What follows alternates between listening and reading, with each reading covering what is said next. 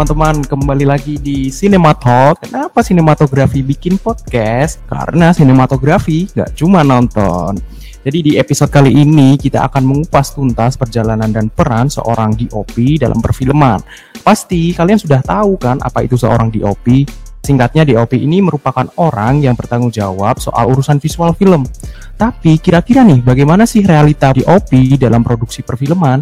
Nah, kita sudah kedatangan narasumber yang akan menjawab rasa penasaran kita nih. Ada Mbak Nat. Halo Mbak Nat, yang merupakan alumni sinematografi juga loh. Halo, Assalamualaikum. Halo Mbak, Waalaikumsalam. Gimana Mbak kesibukannya sekarang? Eh, mungkin bisa ini perkenalkan dikit lah buat teman-teman sineas di sini yang dengerin podcast saya Nat, alumni UKM Sinematografi angkatan 7. Itu sekitar tahun 2008. Jauh banget ya? Berapa tahun berarti? Aku 19 sih, Mbak, kalau di sinema. Wow, udah udah 12 tahun selisih 12 kita. tahunan ya. Iya sih. Tapi kita nggak kayak nggak kayak ibu sama anak kan? Iya masih aman kan, lah ya. Untuk iya, sebuah kan senioritas juga Mbak. junior masih aman lah ya. Iya. Iya nih panggilnya juga Mbak kok, bukan Bu. Okay. Iya. Ya, itu. Udah itu aja tak. Apalagi? Iya. Uh, kesibukannya apa Mbak? Kalau boleh tahu. Kesibukannya apa ya? Seperti manusia pada umumnya, ya makan, tidur, mandi, maksudnya kerjaan yang dikerjakan mungkin lah oh, sekarang pekerjaan. ini kalau pekerjaan syuting uh, edit bikin edit. skenario. Oh iya temu klien itu pekerjaan. Kalau kesibukannya banyak jemur jemur baju cuci piring sibukan iya. sibuk itu aku. Iya sih sama sih. Eh bukan sama ding. Iya iya. Baik baik mbak. Saya ya. juga sering disuruh kayak gitu sih mbak sama ibu saya Ya, itu berarti oh. kamu kan terpaksa sibuk ya. Iya juga, iya betul sih. Iya, uh, ini sih Mbak, um, kita kan pembahasan sesi kali ini itu di OP ya, dan ya Mbak Nat ini bisa dikatakan seorang expert lah kalau soal DOP gitu. Waduh, Jadi, baik, baik.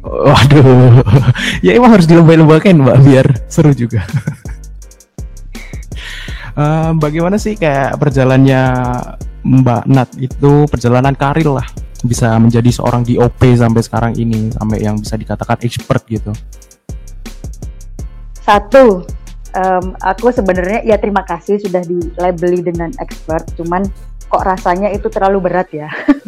itu terlalu berat karena karena aku sampai sekarang itu masih merasa sangat-sangat kurang um, dan di luar sana di atasku itu masih masih banyak level-level yang uh, harus dilalui untuk menjadi expert gitu. Jadi ini aku juga masih ibaratnya masih newbie Cuman oh. memang aku terlahir lebih dulu dari kalian sehingga kesannya aku lebih pinter, lebih paham kayak gitu. Ini cuman masalah siapa yang lahir dan belajar duluan.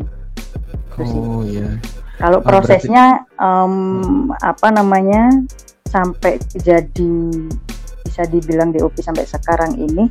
Awalnya aku kelas kelas 1 eh kelas 1 atau kelas 2 SMA um, itu aku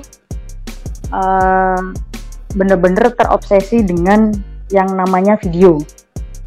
Yang namanya video. Tapi tidak pernah terpikirkan kuliahku itu tentang video. Aku dulu kepengennya di hukum uh, politik. Uh, oh, ya kita situ lah hukum atau politik itu malahan waktu SMA pikirannya ke situ. Tapi ketika uh, kelas 2 itu mulai mulai ini mulai naik lah obsesi terhadap videonya. Sementara saat itu aku nggak punya alat perekam video sama sekali. Aku dari keluarga yang uh, pas-pasan tidak punya alat elektronik yang semewah itu. Terus kelas 3 itu uh, setelah nonton film catatan akhir sekolah Uh, kamu tahu nggak film itu? Um, maaf enggak, Mbak. Generasi-generasi sekarang nontonnya apa ya? Dua garis biru apa ya? Ya, mungkin bisa dibilang kayak gitu. Catatan akhir sekolah itu um, menceritakan tentang tiga mahasiswa yang salah satunya itu si Ramon, Ramon Yitungka itu suka banget merekam, mendokumentasikan semua momen yang ada di sekolahnya dia. Gitu. Uh, dan dari situ uh, aku sama temenku punya ide kalau nanti ini kan ketika kita lulus kelas 3 ada semacam wisuda-wisudaan kelas 3 gitulah ya pasti ada yeah. yang diputer nih, pasti ada yang ditayangin nih di di apa di acara mm -hmm. itu apa ya yang lain mungkin nayang apa nampilin apa tari-tarian atau apa.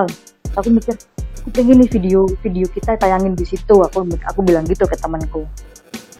Mm -hmm. um, terus ayo kalau gitu kita mulai sekarang merekam apa pun yang kita lakukan, apa pun yang um, kita alami di SMA kelas 3 ini entah itu mulai dari pelajaran uh, sehari-hari, pelajaran olahraga apa segala macam, uh, ujian itu aku bawa kamera. Hmm. Zaman dulu tuh namanya kalau nggak salah UNAS ya, namanya UNAS. UNAS tuh ya, bawa kamera. Ujian nasional ya mbak. Ya ujian nasional. Aku tuh bawa kamera dan penjaganya nggak tahu. Sementara penjaganya kan biasanya dari sekolah lain ya. Itu kamera hmm. saat itu um, kamera pocket. Namanya tuh dulu tuh apa ya kamera digital apa ya? kamera digital yeah, yang lensanya nggak bisa diganti gitu dan dia cuman bisa ngerekam selama dua menit setelah dua menit stop. Dua menit stop. Kayak gitu. Oh. dan itu aku pinjem. Itu aku pinjem. Pinjem ke temanku. Terus kalau nggak temanku lagi nggak pinjemin aku pinjem teman yang lain punya handycam. Handycam saat itu pakai kaset sama mini DV saat itu. Ya udah apa pun yang mereka punya aku pinjem aku bawa. Akhirnya buat ngerekam itu. Nah terus aku edit dan beneran ketika wisuda kelas 3 uh, eh, filmnya diputar jadi semacam wow. kayak kompilasi yeah. kegiatan kita yeah, yeah, uh, dokumentasi kita selama kelas 3 SMA gitu jadi bener-bener kayak ya menyentuh kalau aku sih kalau aku sih itu merasa merasa yeah. wow ini prestasi banget yeah, buatku dan temenku itu dan waktu itu ngeditnya ngeditnya masih pakai Movie Maker Windows hmm. Movie Maker itu karena nggak ngerti apa itu Premiere ya, kenapa? Sorry? Itu itu ya kayak cuman sekedar dipotong-potong gitu ya. masih belum ada efektifnya gitu. Betul. Potong-potong kasih lagu hmm. kasih teks udah gitu aja. Terus ya dari situ mulai mulai terpacu. Nah ternyata setelah ujian aku belok. Pilihanku udah nggak dihukum oh. dan politik lagi. Uh, komunikasi jadinya. Komunikasi ya. Komunikasi, komunikasi uner ya mbak komunikasi uner. Sebenarnya sih kepinginnya memang film cuman um, orang tua tidak terlalu menyetujui kalau aku keluar kota. Kan kalau film kan sejauh ini ya cuman di IKJ isi gitu kan. Iya iya. Keluar Surabaya. Nah, akhirnya ya udahlah apa yang disetujui orang tua ya itu yang tak maksimalkan. Ketika masuk di komunikasi um, uh, waktu pas PPKMB apa ya waktu pas PPKMB itu kan dibagiin buku-buku tuh. Terus di situ ada list yeah. nama-nama UKM langsung udah uh, lihat UKM sinematografi. Udah. ketika langsung display UKM itu langsung tak tak samperin daftar dan segala macam tanya-tanya. Ya udah setelah masuk komunikasi ya udah langsung masuk sinematografi. Diklat kayak gitu-gitu. Justru bahkan ketika aku kuliah ilmu-ilmu tentang pervideoan dan perfilman ini ya aku dapetin pertama ya di UKM sinematografi. Di komunikasi saat itu belum ada peminatan yang spesifik. Jadi tahun tahun 2008 2010 itu masih mata semua mata kuliah komunikasi itu diajarkan dan kamu um, bebas memilih apa pun gitu. Nggak nggak sampai yang iya. dipaketin oh ini peminatan yang media peminatan film peminatan uh, PR misalkan kayak gitu. Nggak ada. Jadi sangat gelambiar gitu loh. Dan oh aku baru dapat materi film atau video itu di kampus di komunikasi itu semester 6 atau semester 7 gitu. Sangat terlambat, sangat terlambat. Jadi sangat terbantunya dari UKM sinematografi. Kebantu banget. Oke, Mbak. Uh, jadi mungkin itu ya di uh, perjalanan gimana Mbak Nat sampai sekarang ini uh, yang menginspirasi Mbak Nat biar bisa jadi kayak gini. Uh, mungkin ini sebenarnya udah dijawab ya dari tadi apa kayak ceritanya. Cuman uh, biar spesifiknya kenapa sih Mbak Nat itu uh, pilihannya katakanlah jadi DOP gitu? Ada nggak Mbak kayak orang yang memotivasi gitu? Tadi kan uh, mungkin uh, Mbak Nat menyampaikan kalau motivasinya gitu terinspirasi dari catatan akhir sekolah. Nah ada nggak kayak orang gitu yang sosok tokoh yang memotivasi dia harus ah, aku mau jadi DOP nih gitu? Ada nggak mbak kira-kira gitu? Nggak ada. Nggak ada ya? Nggak ada. Oh, berarti, berarti ya orang-orang dalam catatan akhir sekolah itu ya mbak? Itu itu menginspirasi ya. Itu menginspirasi bukan bukan menjadi uh, pemacu atau pendorong atau yang harus bla bla bla oh. enggak itu hanya inspirasi di awal setelahnya nggak ada Kira. setelahnya nggak ada karena ya alhamdulillah hidupku uh, sangat diberi kebebasan oleh orang tua dan oleh orang-orang sekitarku tidak banyak tekanan jadi ya semuanya tergantung oh. sama aku berarti um, di lingkungan sekitar Mbak Nat itu ya didukung lah mau jadi apa gitu ya Mbak? Iya, iya betul.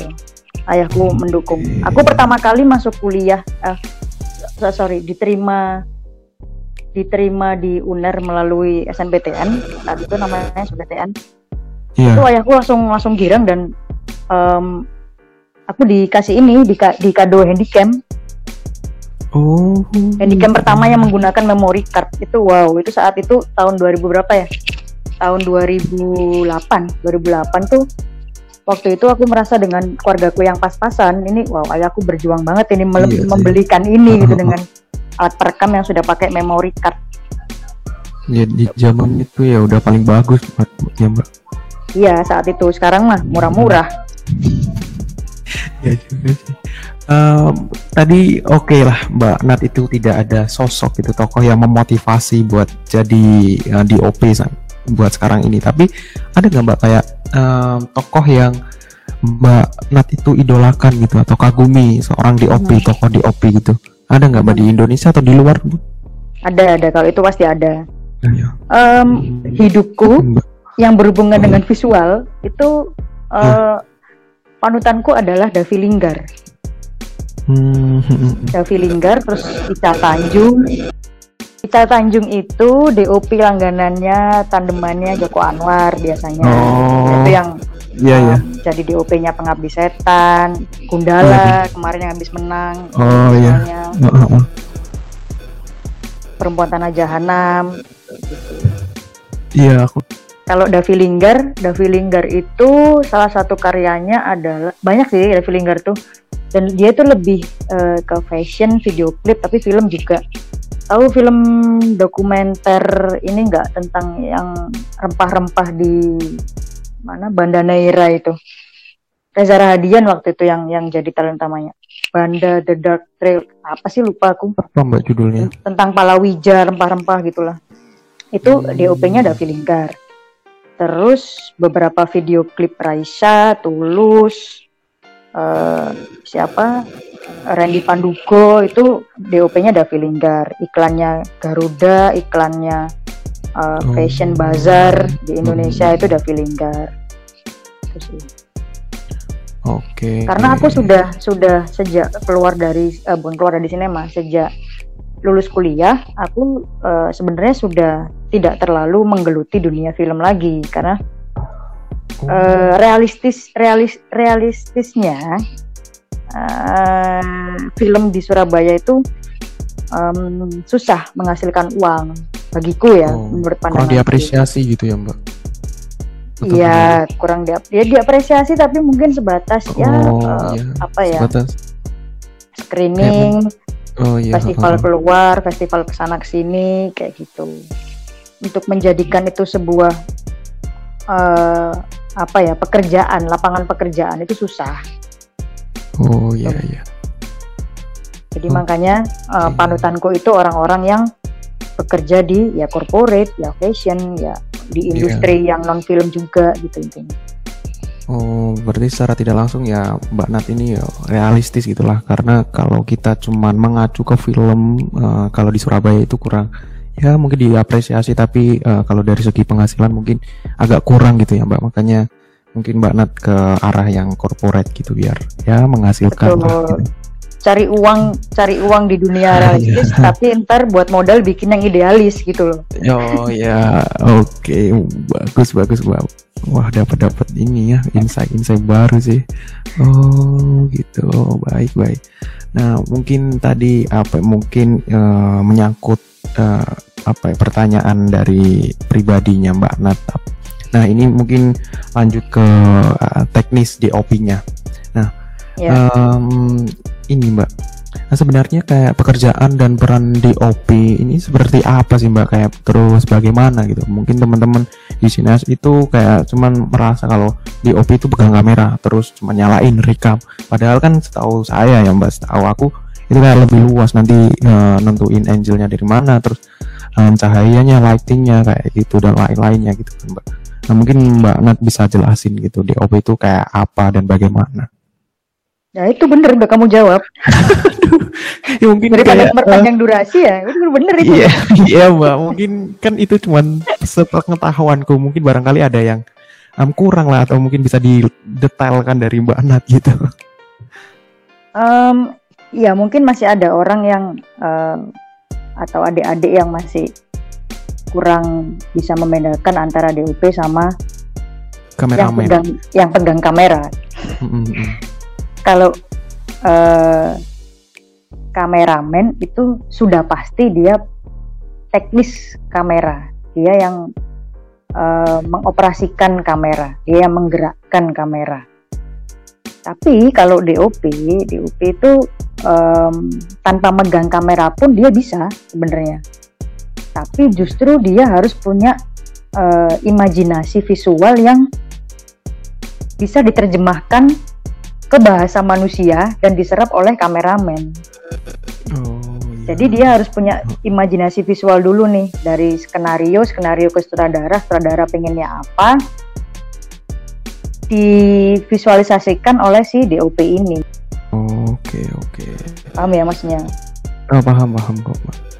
Uh, terus nih mbak kan oke okay, tadi uh, eh, DOP itu uh, bisa disimpulkan kayak lebih luas itu kan dia um, yang memvisualisasikan dia juga punya harus imajinasi dia uh, punya imajinasi gitu biar bisa diteruskan ke sutradara atau direkturnya nah ini uh, ada kaitannya mbak jadi um, gimana sih kayak mungkin dari pengalamannya Mbak Na sendiri uh, sebagai seorang di OP itu menyesuaikan uh, visi misi atau imajinasinya? Kan um, katakanlah direktur atau sutradara itu kan ya beda kepala sama di OP gitu kan Mbak. Jadi um, mungkin barangkali ada kayak semacam perbedaan imajinasi atau perbedaan visi misi gitu kan Mbak. Nah gimana kalau menyatukannya dalam bentuk audio visualnya itu gimana Mbak, Mbak sebagai seorang di OP itu menyesuaikannya gimana? Hmm. Hmm, ini sering sering uh, aku bahas ketika aku ngisi diklat materi diklat kelas di UPI ya di sinema. Uh, uh, uh. Um, ibaratnya aku mengibaratkan saudara dan DOP itu kayak suami istri. Suaminya itu sutradara, istrinya itu DOP. Apa harus suaminya sutradara, istrinya DOP? Karena nahkodanya ya apa ya apa sutradaranya. Oh, oke, okay. oke. Okay. Karena yang memimpin jalannya cerita, memimpin semua kegiatan hmm. produksi, hmm. visual itu sutradaranya. Oke. Okay. DOP membantu menerjemahkan apa maunya sutradara itu ke bahasa visual itu melalui kameramen-kameramennya, cahaya-cahayanya. Nah, oh, kalau yeah. misalkan si suami ini kepengennya A, si istri ini punya pendapat A sama, alhamdulillah. Oke, okay, cocok nih Joko Anwar sama Ika Tanjung cocok yeah. Joko Anwar sama hmm, siapa bisa Yudi Datau. Enak. Kong kali kongnya enak. Terus misalkan si saudara si suaminya ini kepinginnya A tapi si DUP-nya ini istrinya kepinginnya B. Gak iso. Udah gini gini gini loh aku saudara eh aku bojomu ya apa kon?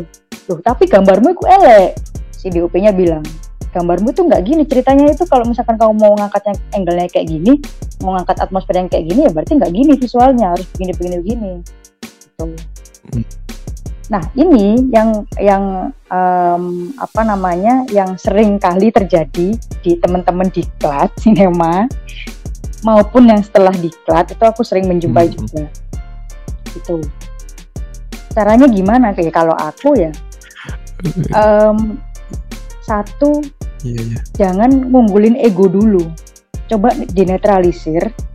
Jangan ngumpulin ego dulu dinetralisir sebenarnya Iya. kepentingan cerita ini ke mana arahnya? Kepentingan cerita ini ke mana arahnya? Kalau memang arahnya ke A sudah berarti DOP harus nurut. Tapi tetap memberikan em, pandangan-pandangannya em, masukan-masukannya ilmunya yang tetap mengarah ke A. Tapi kalau ternyata film ini lebih ke B ya saudara juga harus mau menerima masukan DOP Tuh. Em, pengalaman Gue- pribadi sih ini aku Iya, pernah sebenarnya sebenarnya dalam produksi em, aku ini lebih lebih cenderung memposisikan diriku sutradara sekaligus DOP. Satu itu untuk Oh. mengurangi singgungan, kedua untuk meminimalisir budget juga. Gitu. Tapi pernah dalam satu Oh. eh, dalam satu dua project Heeh. em, aku DOP-nya saudaranya orang lain. Apa yang terjadi? Beneran geger, debat. Tapi itu dilakukan ketika kita lagi ngebredel skenario, kita bikin storyboard, kita bikin em, apa namanya, apa ya namanya, em, gambaran syutingnya kayak gimana, adegan-adegannya kayak gimana itu di praproduksi.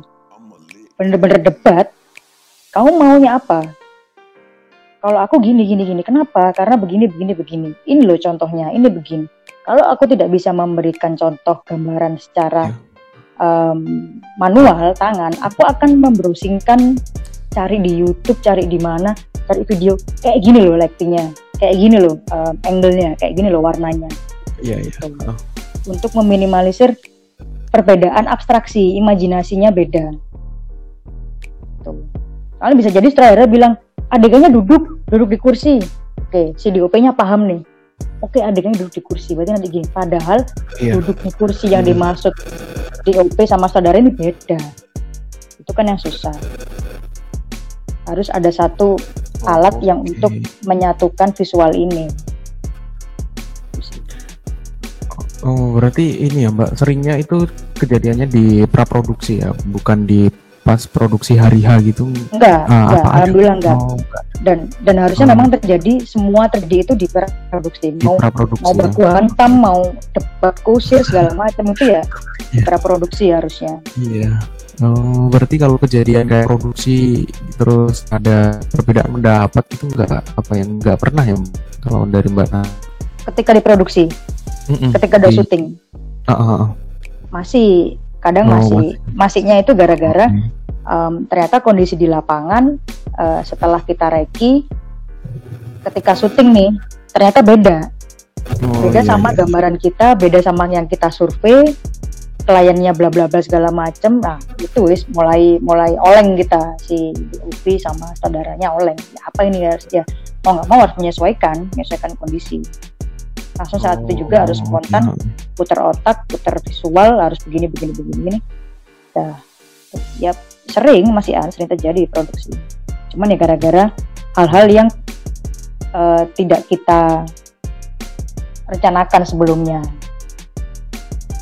Iya sih, Em, sama sih mbak. Eh, mungkin aku sedikit cerita ya, tapi Mhm. eh, ini pengalamanku ya bukan Boleh, se apa ya, sekeren mbak Anat lah, karena ya aku masih newbie masih ya ecek-ecek lah kalau dibandingkan mbak Anat gitu.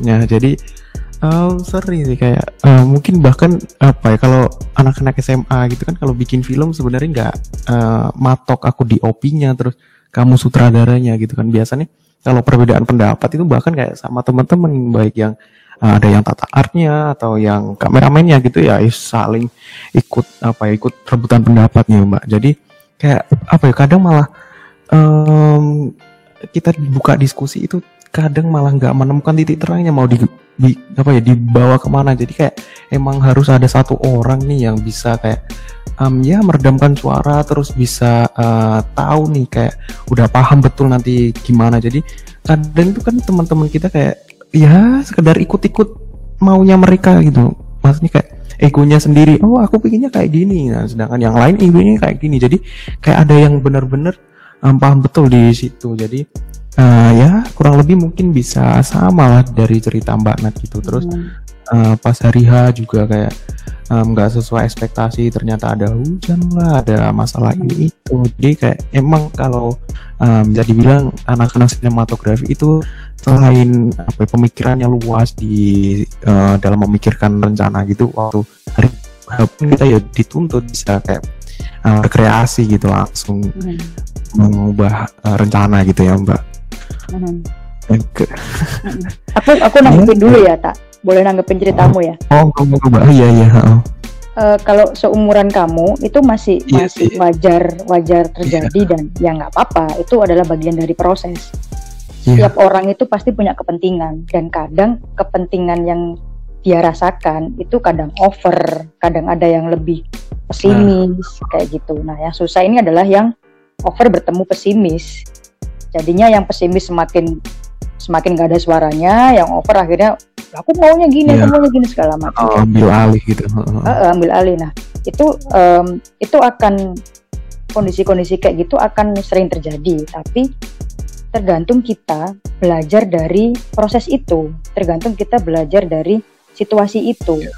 Kalau misalkan kita cuman um, tiap syuting tiap tiap produksi terjadi begitu dan nggak ngambil hikmahnya nggak mikir nggak oh belajar dari kesalahan. Oh kemarin udah kayak gini berarti harusnya nggak boleh gini harusnya nggak boleh gini segala macam. Ya sama aja. Jadi pinter-pinternya kita cepat adaptasi sama belajar dari proses itu. Yeah. aku dulu juga kayak gitu sama. Aku sama teman-teman di kelasku sama teman-teman angkatanku. Dulu juga kayak gitu. Tapi ya belajar dari proses. Setelahnya ya aman oke baik baik. Uh, terus nih mbak. Um, apa ya? Uh, ada nggak sih mbak? Uh, tadi kan udah bahas nih um, misal kita perbedaan pendapat lah di DOP sama di uh, sama sutradara gitu atau director gitu. Nah ada nggak sih mbak kayak sebenarnya uh, batas yang menunjukkan aku ini seorang DOP, uh, kamu itu seorang DOP, jadi batasanmu itu cukup sampai di sini. Nah, sutradara ini ya ada batasannya, kamu cukup sampai di sini gitu. Ada nggak mbak yang kayak membuat batasan ini itu ranahnya di OP, ini ranahnya sutradara gitu. Ada nggak sih mbak dalam uh, kayak mengambil keputusan di OP sama sutradara ini atau director lah gitu? Ada, pasti ada, harus ada, hmm. harus ada. DOP tidak mengarahkan adegan. DOP tidak menegur, oh, tidak ya. boleh menegur um, siapa namanya talent aktor. DOP tidak boleh um, ya. menegur soal wardrobe dan segala macam. Kalaupun dia butuh, dia ingin punya unek-unek ya sampaikan, tapi bu batasannya bukan bukan uh, melarang, bukan nyuruh, bukan kayak gitu. Semua yang berhak atas instruksi segala macam kayak gitu ya sutradara. Oke. Okay. Oh. Seringkali soalnya orang-orang ini yang masih masih kita film-film India, kadang ada yang overlap, uh. ada yang overlap um, kameramen kadang-kadang ngekat-ngekat sendiri. Oh iya. lah, kan itu kameramen ya, kenapa dia bilangkan? iya, di. Iya. Bahkan di editor pun ya juga ini kan, Mbak, kayak ntar udah jadi bahan-bahannya tuh. Kadang kayak ya ngekat seenaknya sendiri tanpa sepengetahuan sutradara gitu nggak sih, Mbak? Nah. Kalau iya. Hmm, nah, oh, emang berarti ada emang harus ada batasannya dan oh jelas jelas harus ada ya. batasannya Iya ya. Uh, terus jadi DOP itu kan tentunya bukan apa ya. Tadi udah disinggung sih di awal kayak hanya membawa kamera terus menyalakan atau enggak merekam objek. Nah, ada nggak sih mbak kayak dasar yang wajib diketahui bagi teman-teman yang ingin jadi DOP? Tapi uh, katakanlah uh, mbak Nat itu kan di komunikasi udah dapet tuh arahan-arahan uh, gimana caranya uh, buat film atau terkait dunia perfilman lah dapat di sana dapat mata kuliahnya. Tapi buat orang-orang yang ingin belajar secara otodidak atau dia nggak apa ya menerima kesempatan buat sekolah di sekolah film gitu. Nah jadi apa sih kayak hal dasar dulu deh buat uh, teman-teman sinias ini yang mau belajar menjadi DOP gitu? Apa ya? Kalau aku dulu itu berawal dari um, aku suka melihat visual, suka melihat, okay. suka um, mengagumi penasaran dengan hal-hal yang uh, berbau visual maupun itu waktu itu desain yeah. Iya, desain terus um, apa namanya foto dan video mm. gitu tapi uh, bagiku ketika menjadi DOP, ketika menjadi videografer itu kayak mendapat kepuasan tersendiri ketika kamu bisa mengabadikan momen. Itu dulu sih aku waktu itu. Oh, iya. iya Terus iya. kalau misalkan ini um, apa yang harus dipelajari dasar DOP? Apa ya? Kalau aku sih banyak-banyakin nonton sih, referensi. Karena semakin kita nonton, semakin kita tahu selera kita itu, karakter kita itu mau dibawa ke mana setiap DOP itu pasti punya oh, iya. selera, pasti punya karakter. Yang nggak DOP juga, yang penulis skenario, sutradara, semuanya pasti punya selera. Nah, selera ini bisa dibangun ketika kita sudah terbiasa hmm. dicekoi dengan visual-visual itu. Oh, aku nonton ini dan ini, oh nggak cocok ternyata. Ternyata lidahku nggak cocok, mataku nggak cocok. Oke, aku akan nonton hal-hal yang uh, genre-genre yang seperti ini. Oh ini cocok, berarti aku akan terus terus nonton itu kayak Davi Linggar. Davi Linggar tuh nanti kalau kamu browsing ya Davi Linggar D A F Y Linggar. Iya, ini aku, aku lihat sih. Sudah browsing. nah, dia Photoshop eh kok Photoshop fotografi gitu kan ya. Uh, iya, udah lihat fotografi dan gitu. videografi. Nah, ketika aku uh, mengenal yeah. Davi Linggar, waktu itu ada seorang teman mengenalku mengenalkanku. Video, nah, uh. ini loh Davi Linggar. Bukan bukan ketemu ya, tapi di di website Instagram. Ini loh Davi Linggar, dia bikin gini gini gini di situ aku pelajarin. Nggak langsung suka pelajarin dulu. Uh kenapa ya orang ini gini? Kenapa ya kok visualnya seperti ini? Terus melihat karya-karya dia oh dia karakternya begini. Kan oke okay, cocok nih ternyata sama hatiku. Cocok nih sama mataku. Cocok sama lidahku misalkan. Kayak gitu. Yeah. jadi menentukan selera dulu. Setelah menentukan selera baru teknis. Kalau aku ya. Orang-orang sekarang ya mungkin ya uh, generasi sekarang ya yang muda-muda. Tiba-tiba langsung megang kamera aja langsung udah ngecap dirinya di OP aja karena sudah megang kamera. itu terbalik. Iya sih. Gimana kamu menjadi DOP, gimana kamu menjadi sutradara visual kalau kamu belum menentukan seleramu, kamu belum punya karaktermu. Siapa pun bisa pegang kamera okay. sekarang. Um, iya, um, aku uh, agak sedikit menanggapi ya Mbak. Uh, barangkali uh -huh. mungkin uh, tadi Mbak Nat bilang kalau untuk uh, anak-anak sekarang ini mungkin langsung ke kameranya gitu dia nggak menentukan selera tapi kan uh, bisa dibilang kayak uh, apa ya untuk menjadi DOP kan ya salah satunya uh, perbanyakan uh, perbanyakin praktek gitu kan ya mbak mungkin barangkali uh -huh. uh, mereka uh, mungkin lebih ke teknisnya dulu terus dia sambil jalan gitu kan sambil tahu gimana uh -huh. arah angel syuting dan lain-lain dan sambil menentukan selera mereka karena kalau aku pribadi ya mbak kayak uh, ngerekam sesuatu itu ya harus direkam dulu maksudnya. Biar tahu seleraku yang mana itu ya harus aku lakuin dulu. Biar tahu pembandingnya gitu loh mbak. Jadi kayak apa ya kalau nentuin selera dulu tanpa mengeksekusi juga kayak eh uh, agak kurang kalau menurutku ya mbak. Koreksi kalau aku salah. Uh -huh. Enggak, enggak ada yang salah, bebas. Oh, iya. enggak masalah, bebas.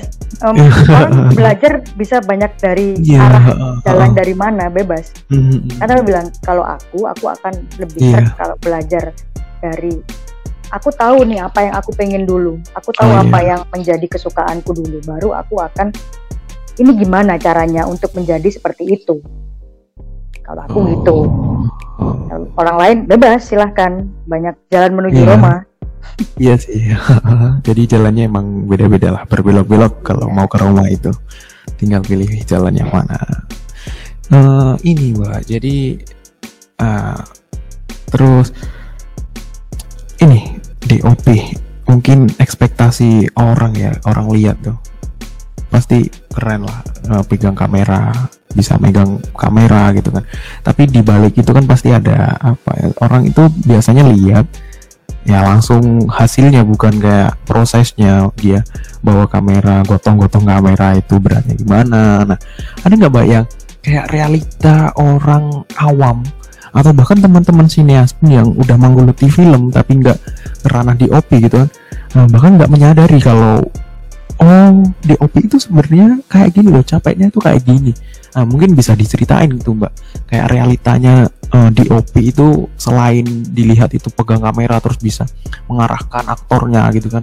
Nah, ada nggak mbak kayak realitanya yang mungkin jarang orang tahu gitu? Apa ya?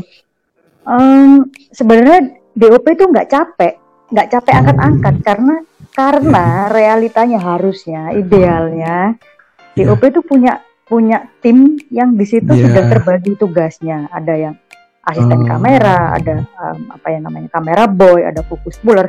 Mm-hmm. Itu sudah terbagi-bagi. Ada yang dia uh, khusus untuk bawain tripod, monopod tuh ada. Ada yang khusus nancepin oh, iya, iya. alat-alat itu di mana itu sudah ada sebenarnya.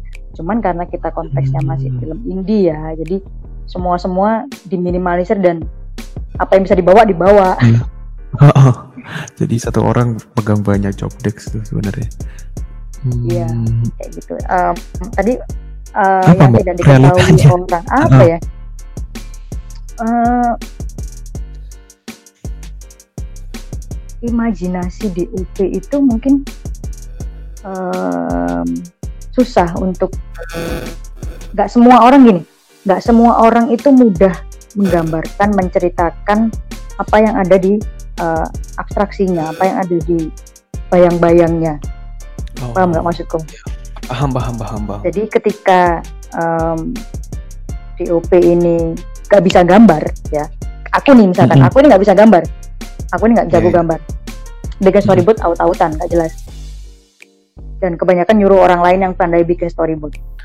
Oh iya. Uh. Untuk aku yang susah memvisualisasikan melalui gambar tangan manual itu uh, menjadi menjadi kesulitan tersendiri menyampaikan itu ke sutradara dan klien. Oh iya. Itu sih. Kecuali kalau ya ada tim khusus storyboardnya sendiri yang sudah uh, sudah misalkan udah punya oh. ada budget nyawa orang-orang bikin storyboard ya aman itu sih oh, sejauh oh, sejauh uh, sama ini sih mungkin ya uh, lighting ya. Um, kadang nggak semua DOP itu paham betul soal lighting. Aku juga pun masih belajar soal lighting. Uh, oh, iya, iya. menyampaikan aku kepengennya yang tone seperti ini atmosfernya seperti ini feelnya seperti ini. Nyampe ke orang-orang lighting uh, kadang ada yang miss kadang ada yang kurang dan itu ngefek ke penyewaan alat ngefek ke budget lagi. Oh. Iya. Akhirnya timing syutingnya mundur. Ini aku perjelasin ulang lagi mungkin ya kayak Mbak Nat tadi menyampaikan kalau um, realita yang jarang diketahui orang itu kayak um, ya ekspektasi seorang di OP itu kadang susah untuk di disampaikan ke direkturnya atau apalagi kayak uh, ke Mbak Nat ini yang uh, katakanlah oh, maaf kayak uh, dia eh bukan dia sih kayak Mbak Nat ini susah buat gambar jadi memvisualisasikan ke kliennya itu agak susah mungkin yeah. itu ya mbak kayak itu hmm. terus ada terkait lighting yang ke kadang nggak sesuai jadinya um, apa ya merambat rambat gitu masalahnya ke teknis-teknis lainnya jadi hmm. mungkin filmnya take-nya diundur dan lain sebagainya nah tadi kan uh, kalau uh, aku rasa ini kayaknya lebih ke dukanya nah ada nggak sukanya yang jarang diketahui nih suka. Suka nih suka. Apa tuh mbak? Sukanya dapat bayaran lah. Ya itu orang orang lain udah tahu mbak kalau dibayar. Cuman ada nggak yang kayak mungkin anak okay. DOP aja nih yang tahu sukanya? Sukanya itu adalah ketika uh, apa yang kita pengen ketika praproduksi apa yang kita pengen apa yang kita targetkan apa yang kita rancang itu benar-benar tercapai di produksi visual oh, yang kita baik, pengen baik. tercapai di produksi gitu karena okay. mostly kebanyakan um, apa yang kita uh, pengenin di praproduksi itu mesti tereduksi ketika produksi oh. entah oh. itu karena budget entah kondisi lapangan entah apa segala macam gitu tapi ketika itu sudah kayak wow akhirnya bisa nih akhirnya keturutan nih visualku yang kayak gini nih wow itu senang banget. Oh oh I see. Berarti um, ketika praproduksi itu Mbak Nat menyampaikan kalau bakal di hari H katakanlah di produksinya bakal direduksi karena mungkin terkait budgetnya minim tapi dengan keterbatasan itu dengan kekurangan itu tapi uh, bisa menciptakan suatu film yang ya emang sesuai ekspektasi dari awal tapi ada aja berbagai hambatannya gitu nah mungkin itu bisa dikatakan sukanya ya menjadi DOP gitu. Iya. Oh, oke. Okay. oke. Okay. kalau bagaimana pendapat Mbak Nat mengenai perkembangan DOP di Indonesia sekarang? Nah ini ini aku nggak ngerti nih jawabannya. Waduh. Ya mungkin perkembangan DOP di Indonesia. Perkembangan ini berat banget pertanyaannya. Kalau mau jawab ngasal ya jawabannya oh fine fine ya bagus bagus sangat pesat gitu jawabannya kalau sampai tanya uh, jawaban yang Udah. apa yang kritis aku nggak ngerti ya karena ya. uh, aku memang sudah sangat sudah jarang untuk uh, kembali ke dunia film kecuali ya kecuali ketika ada klien yang bikin film Oh, okay. Soalnya ada klien yang bikin film. Akhir-akhir ini kan aku ngerjain ini proyeknya Fakultas Kedokteran Hewan bikin film. Alhamdulillah FKH, ini sudah film. Iya FKH udah film kelima, oh, okay. kelima enam lupa aku. Itu dan dan ya sebatas itu mengerjakan film karena tuntutan uh, klien pekerjaan, gitu. Ya, oh, pekerjaan okay. kayak gitu. Hmm. Jadi kalau mau tanya perkembangan ya kayaknya aku nggak nggak punya kapasitas jawab ginian oh baik baik tapi yang jelas uh, untuk perkembangan di OP uh, eh, fan fan aja ya mbak nggak ada kayak asal surutnya gitu oke okay. barangkali ada kayak oh, mbak Nat tahu nih permasalahannya di Indonesia perkembangan mungkin ini nih nih mungkin ini yang bisa oh, bisa apa, sedikit nyerempet ya uh, uh. Uh, sekarang itu sudah banyak bermunculan um, videografer-videografer muda yeah. yang yang menggunakan uh, kamera mirrorless, mm-hmm. kamera mirrorless dan itu uh, kayak Davi Linggar tadi pun dia sudah pakai Leica, uh, sudah pakai Hasselblad, kayak gitu ada oh. ada namanya Bramski juga Bramski itu uh, videografer di Opera Stradara juga dari Jogja. Dia juga sudah pakai mirrorless dan dengan hasil yang sangat wow. Kamu kalau tahu videonya Yura Yunita yang apa sih merakit merakit buat apa, apa ya? putus eh buat apa putus apa sih yang Yura eh merakit eh. apa sih itu yang pokoknya uh, ada videonya dia sama yeah. Iya. uh, orang-orang yang dis disable ya kayaknya yeah. itu iya. yang bikin berhenti uh, juga merakit. melalui kamera-kamera uh, mirrorless gitu banyak sekarang yang sudah mencoba lebih lebih um, sederhana dengan kamera mirrorless tapi dengan spek yang masih tetap tinggi bukan yeah. yang kamera yang gede banget kayak gitu. Nggak perlu yang 4K 4K kayak gitu. 4K masih perlu sih sebenarnya. Oh, kalau iya. mau mau mau bagus banget 4K masih perlu. Masih hmm, masih hmm, hmm. bisa di, masih sangat dipertimbangkan. Oh, lalu video klipnya iya. Raisa Raisa yang di Singapura sama Nicholas kali kedua. Tahu nggak kali kedua? Tahu kamu nanti cari di YouTube video klip Raisa kali kedua, cari behind the scene-nya. Itu udah Fillinger pakai oh. kamera mirrorless. Dan sudah bikin sebagus itu. Iya. Jadi perkembangan DOP di Indonesia sah pesat. Kembali ke situ lagi jawabannya. Iya, iya, iya, benar juga sih Mbak. Kalau dari apa cerita-cerita yang Mbak Nat sampaikan gitu kan, sekarang udah mulai praktis buat di cukup mirrorless gitu tapi menghasilkannya ya nggak ya emang keren gitu yang hasil yang luar biasa gitu berarti dengan effort yang bisa dikatakan nggak perlu se apa ya sebesar biasanya gitu kan ya bisa dikatakan ya oke okay lah perkembangannya gitu. Mm. Oh, nah ini mbak ini mungkin aku sudah cukupkan pertanyaan-pertanyaan dari aku pribadi. Jadi lanjut ke pertanyaan netizen.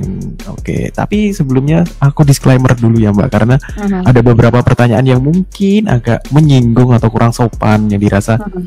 uh, buat uh, Mbak Nat gitulah. Nah, yang pertama itu ada Etesa Anggar Satria. Lalu Min mau tanya dong mengapa DOP tidak disebut Director of Videography. Nah, ini aku juga sedikit cerita juga ya Mbak. aku kan uh, eh, SMA ikut ekskul ya ter, apa ya film gitu kan namanya Semansa Art. Nah dulu waktu pembagian job desk itu namanya uh, apa? Uh, namanya Semansa Art. Kamu SMA mana? SMA satu Purwodadi saya mbak. Oh Purwodadi. Uh, uh, nah itu ada ekskul namanya Semansa Art yang di bergerak di bidang seni gitu lah. Salah satunya ada film gitu, divisi film. Nah di situ pas uh, apa ya waktu itu kan langsung disuruh praktek tuh ada bagian DOP dan lain-lain. Nah, aku ya kebetulan aku nggak DOP sih, tapi ketika tahu DOP itu singkatannya Director of fotografi tapi kok ngerekam ngerekam terus nah kok aku ya mikir sempet aku kira fotografi ya ya udah orangnya yang moto-moto mungkin di behind the scene-nya gitu kan ada semacam kayak foto-foto gitu nah aku hmm. kira yang DOP itu tugasnya kayak gitu soalnya secara nama harafiahnya D, Director of Photography gitu, nggak Director of Videography. Nah, mungkin Mbak Nat bisa jelasin kenapa nggak Director of Videography, DOV gitu. Ini kelihatannya gampang ya, cuman ini berat tuh sebenarnya. Iya. Apa ini? aku dari bayi, dari SMA, dari kuliah sampai sekarang juga nggak pernah nanya ini loh. Lah makanya. Ini pinter yang nanya ini, dan aku nggak pernah menanyakan ini. Karena mungkin aku menganggap uh, mungkin uh, aku ya, aku menganggap um, videografi itu adalah visual yang digerakkan dan visual itu adalah bagian oh. dari fotografi. Dan hal-hal yang berhubungan dengan uh, videografi itu juga terkait fotografi. Oh iya iya. Aku sih merasanya seperti itu. Tapi kalau jawaban aslinya benar dan salahnya aku nggak ngerti. Oh, Terus browsing oh. aja ini si, si Sanggar Satria ini. iya sih. Tapi kalau dari Mbak Nat sendiri uh, ini ya menganggap kalau director of fotografi, fotografi di ya vi, apa di visual itu ya kaitannya ada fotografi yang bergerak tapi gitu ya Mbak. Oke, okay, uh, eh, terus ada dari @liza.fk. Wah, ini fakultas kedokteran. Enggak juga aja. Jadi uh, gimana sih cara nentuin uh, angle biar bisa build emosi film. Nah, gimana tuh Mbak? Gimana biar bisa menciptakan lah emosi di film itu? Nah, dari sudut pandang Angel gitu. Eh kok Angel sih? Astaga, Angle, Angle. Angel. Gimana cara nentuin angle biar bisa membangun emosi film? Mm-hmm. Nah, satu harus tahu ceritanya seperti apa dulu. Oke. Okay ceritanya kayak gimana dulu misalkan ceritanya drama dramanya apa mau drama satir drama komedi drama romance atau mm -hmm. apa itu dulu mau yeah. bikin film uh, uh, horor horornya kayak gimana dulu? Ada kayak horornya Midsummer Mid, apa sih baca itu? Midsummer Midsummer? Tahu nggak? Tahu nggak? Midsummer. Yang itu horor yang bright. Wah itu film horor thriller yang paling terang yang pernah aku lihat. Itu cahayanya enak oh. banget full color menyenangkan tapi isinya hmm, ya hmm. pembunuhan ya ancaman darah segala macam. Oh iya itu harus harus tahu dulu film yang mau dibikin apa kedua lagi-lagi lihatlah banyak-banyakin nonton banyak-banyakin lihat referensi. Misalkan mau bikin uh, adegan kesedihan.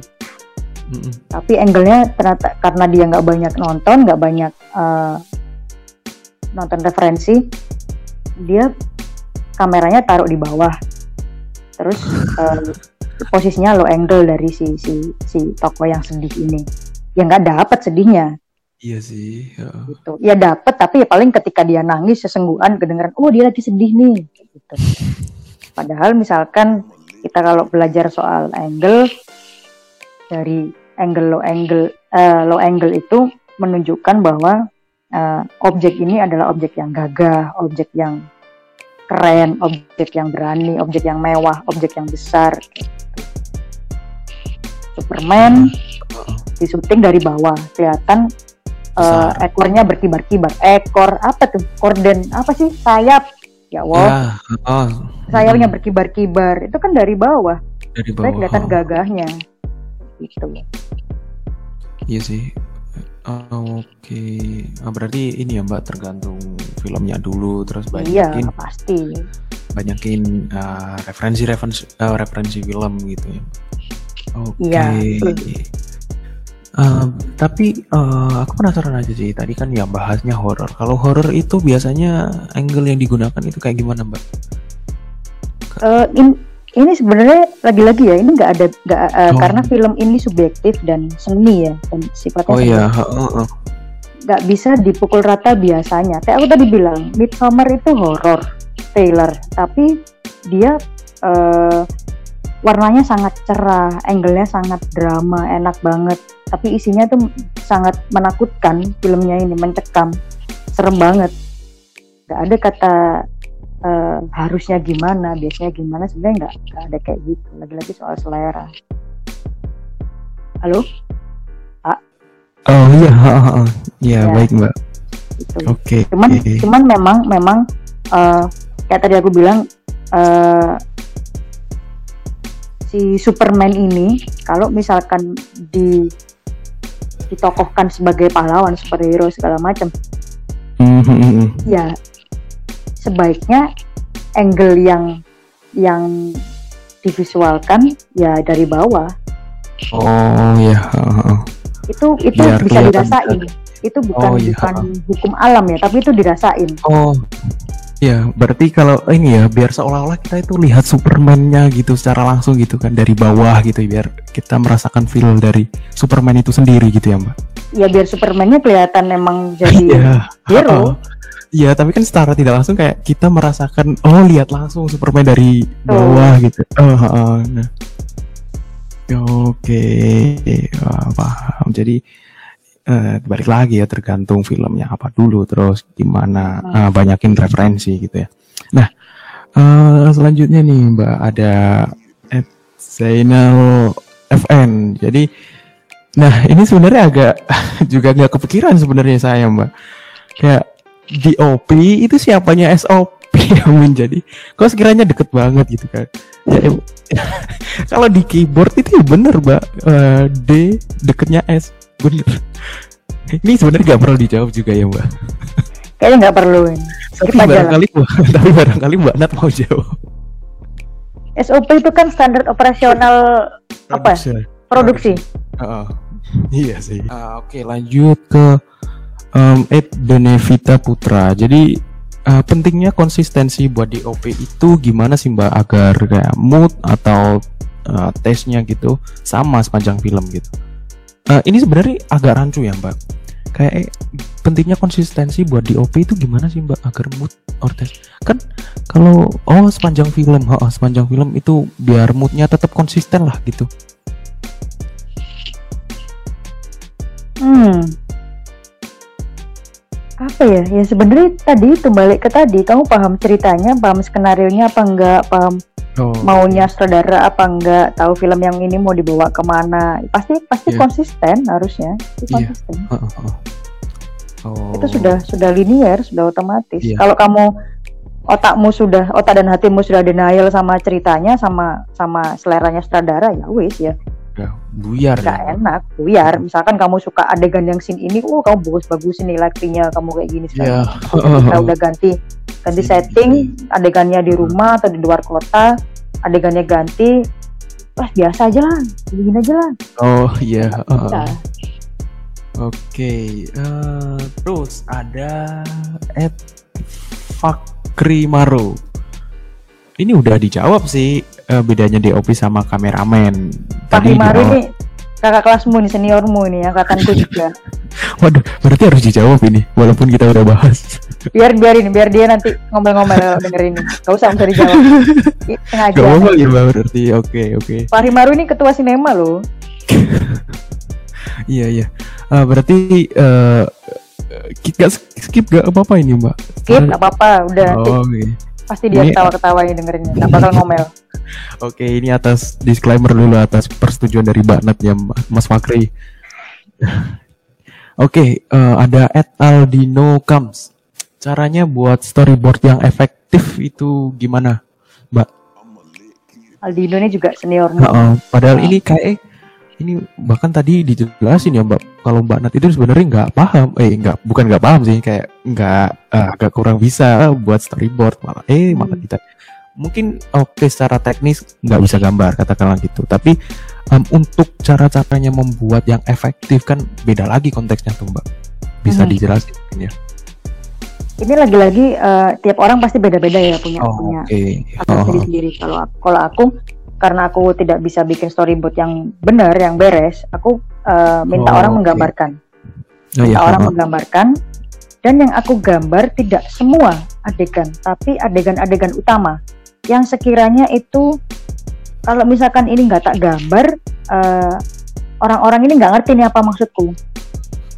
Kalau Oh, aku tidak oke. menggambar adegan ini, orang-orang ini saudara ini nggak ngerti nih em, adegan yang penempatan yang tak pengen ini kayak gini nih nggak ngerti nih, jadi harus digambar. Misalkan dalam satu scene terjadi dialog si ini sama si ini eh, di lokasi ini gitu.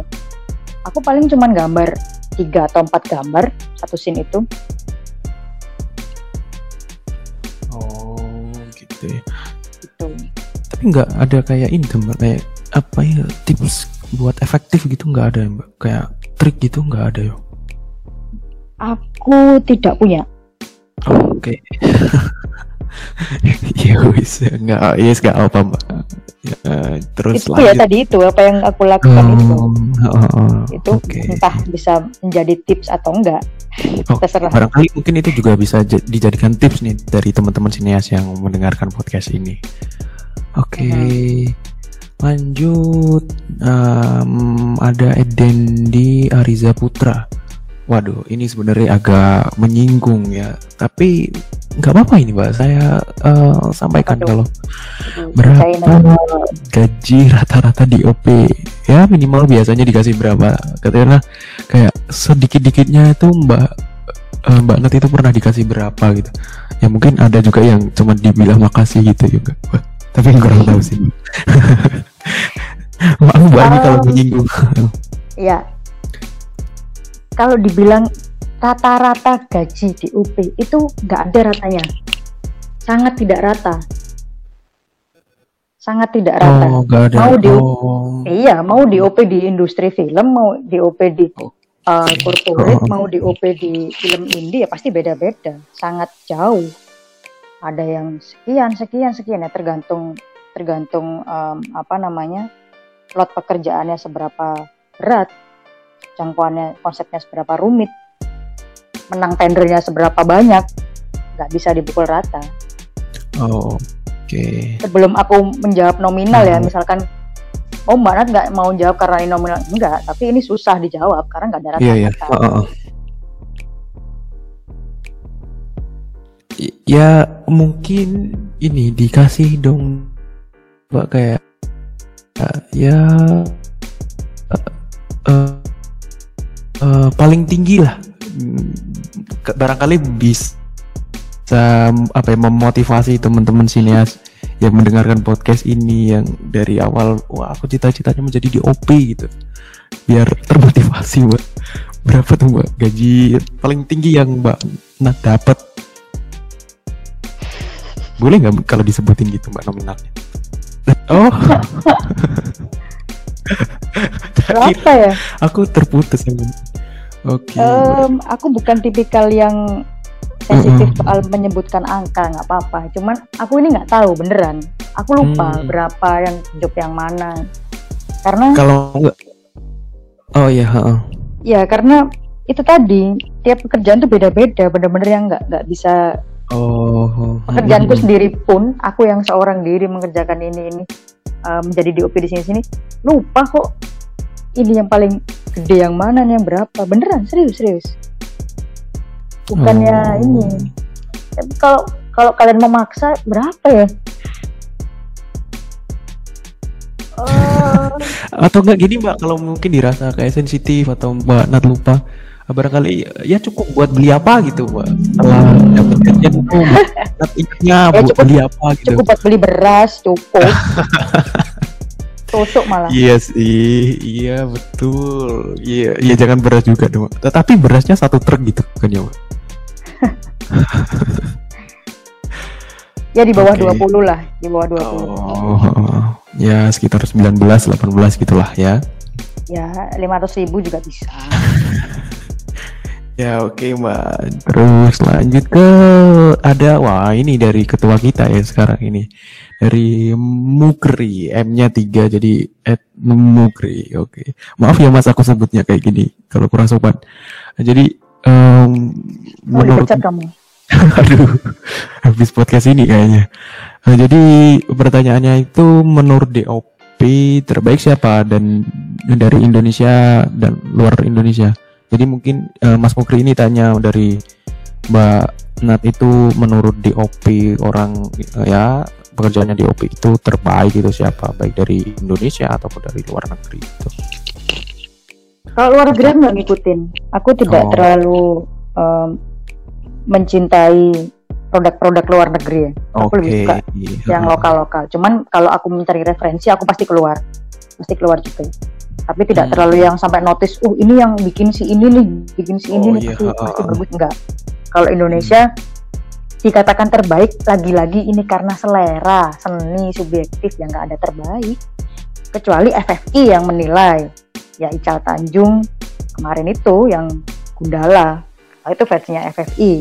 Pem- Oke. Kalau aku ya Hmm. selera lagi-lagi paling siapa yang paling kamu suka Nat ya ada Linggar Ical Tanjung tadi itu. Oke, um, lagi ya tadi David Lingard sama tadi ya. Oke Mbak, nggak apa-apa sih Mbak, kan ini emang tanya kalau menurut ya. dari Mbak Nat, jadi uh, fine-fine aja gitu kan. Uh, terus uh, ada lagi dari Mas Mukri, dia pesen dua pertanyaan nih. Mungkin ketua bebas ya, bisa tanya berapa aja. Jadi uh, bagaimana cara meningkatkan tes pengambilan gambar agar terlihat semakin menarik? Ini balik lagi tadi udah kita bahas sebenarnya ya Mbak. ya betul Apakah mau dijawab Mbak? Gak apa-apa aku tambahin Oke Meningkatkan- oke. meningkatkan sesuatu yang em, ilmiah itu pakai otak yang logika itu Iya. pakai otak tapi kalau yang bisa dirasa feel emosi itu pakai hati kalau misalkan tadi Oh, pertanyaannya apa meningkatkan apa Ah, Feel- meningkatkan tes gitu ya. meningkatkan tes kalau aku em, asah asah emosimu asah hatimu buat merasakan hal-hal sekitar dulu Oke. heeh. kamu harus menjadi lebih peka harus Oh iya. menjadi em, perasa imajinasimu mainkan Oh. hmm. Oke, berarti ya, ya balik lagi ya, balik ke selera ya rasa kita mau dibawa ke mana gitu. Oke, ini masuk ke pertanyaan yang terakhir, terakhir banget nih. Mbak. alhamdulillah Alhamdulillah, kayak kita nggak kerasa udah berapa jam ini, udah berapa menit ini. Ya mungkin ya ginilah kalau bahas film itu juga nggak ada habisnya sebenarnya. Oke, ini terakhir banget nih Mbak. Jadi ada Ed Sam Bravely. Apakah tugas DOP berat dalam produksi film? semua kru film itu tugasnya berat Hmm. semua punya peran yang penting film itu em, Iya. karya kolektif yang dibuat nggak cuma dari sutradara Hmm, tapi hmm, hmm. banyak kru-kru yang terlibat di situ, divisi-divisi di situ. Jadi DOP apakah berat? Ya berat. Apakah Oke. PU berat? Berat. Apakah em, soundman berat? Ya berat. Semuanya berat. Oh, Oke, berarti ya, ya berat. Tapi bisa dibilang DOP itu paling berat nggak Mbak? Em, paling berat rasanya ini ya, em, apa namanya PU ya. Tahu nggak PU? Production house. PU itu pembantu umum yang kalau kamu haus kamu harus nyiapin makanan. Oh, iya, oh, Kalau oh, oh. saudaranya pengen kopi kamu harus buatin kopi. Oh Kalau iya iya enak, harus kayak bilang. ibaratnya kayak itu ya, oh, yang ini ya. Kalau di panitiaan apa ya? Runner, runner lah. ya ya oh, oh. oh iya kok Kalau ada berat sih talent, Mbak? talent yang hamil lagi ngidam bebek, kamu harus beliin bebek. kan berat kan? Iya Kan predictable. iya kalau oh, bahasa Jawanya itu namanya BKK Mbak. Tahu nggak Mbak BKK? Apa itu BKK? Di bagian kongkon-kongkon. Ya, betul. Uh, pahalanya besar tuh. Oh iya sih. Oh, iya iya juga sih. Oh beneran dong mbak itu yang paling berat. Tuh kan kamu nanya versiku. oh iya deh. Iya iya iya nggak apa ya. Oh, betul. Ya sepakat sih mbak juga. Iya itu. Iya oke. Okay. Udah sampai di penghujung acara nih mbak. Si mbak Nat udah mau ngobrol-ngobrol, banyak masukan, uh, banyak ya pengalaman pengalaman dari Mbak Nat itu mungkin bisa dijadikan pelajaran dari teman-teman sineas yang mendengarkan podcast ini Sinematalk ini dan harapannya um, sinematografi ini nggak cuma nonton tapi dapat memberikan um, wawasan bagi kita semua gitu Siap. balik lagi emang jargonnya sinema itu udah multifungsi lah mau diapa-apain juga karena ini nggak cuma nonton jadi harapannya ya semuanya bisa diambil lah dari sinema ini Oke, terima kasih sekali lagi Mbak. Uh, aku pribadi Sama, mohon maaf kalau ada kata-kata yang dianggap kurang sopan. Semoga ilmu-ilmu um, yang disampaikan dari Mbak Nat ini dapat bermanfaat untuk kita semua. Um, terima kasih. Mohon maaf sekali lagi. Wassalamualaikum warahmatullahi wabarakatuh. Saya tutup sinematografi, nggak cuma nonton.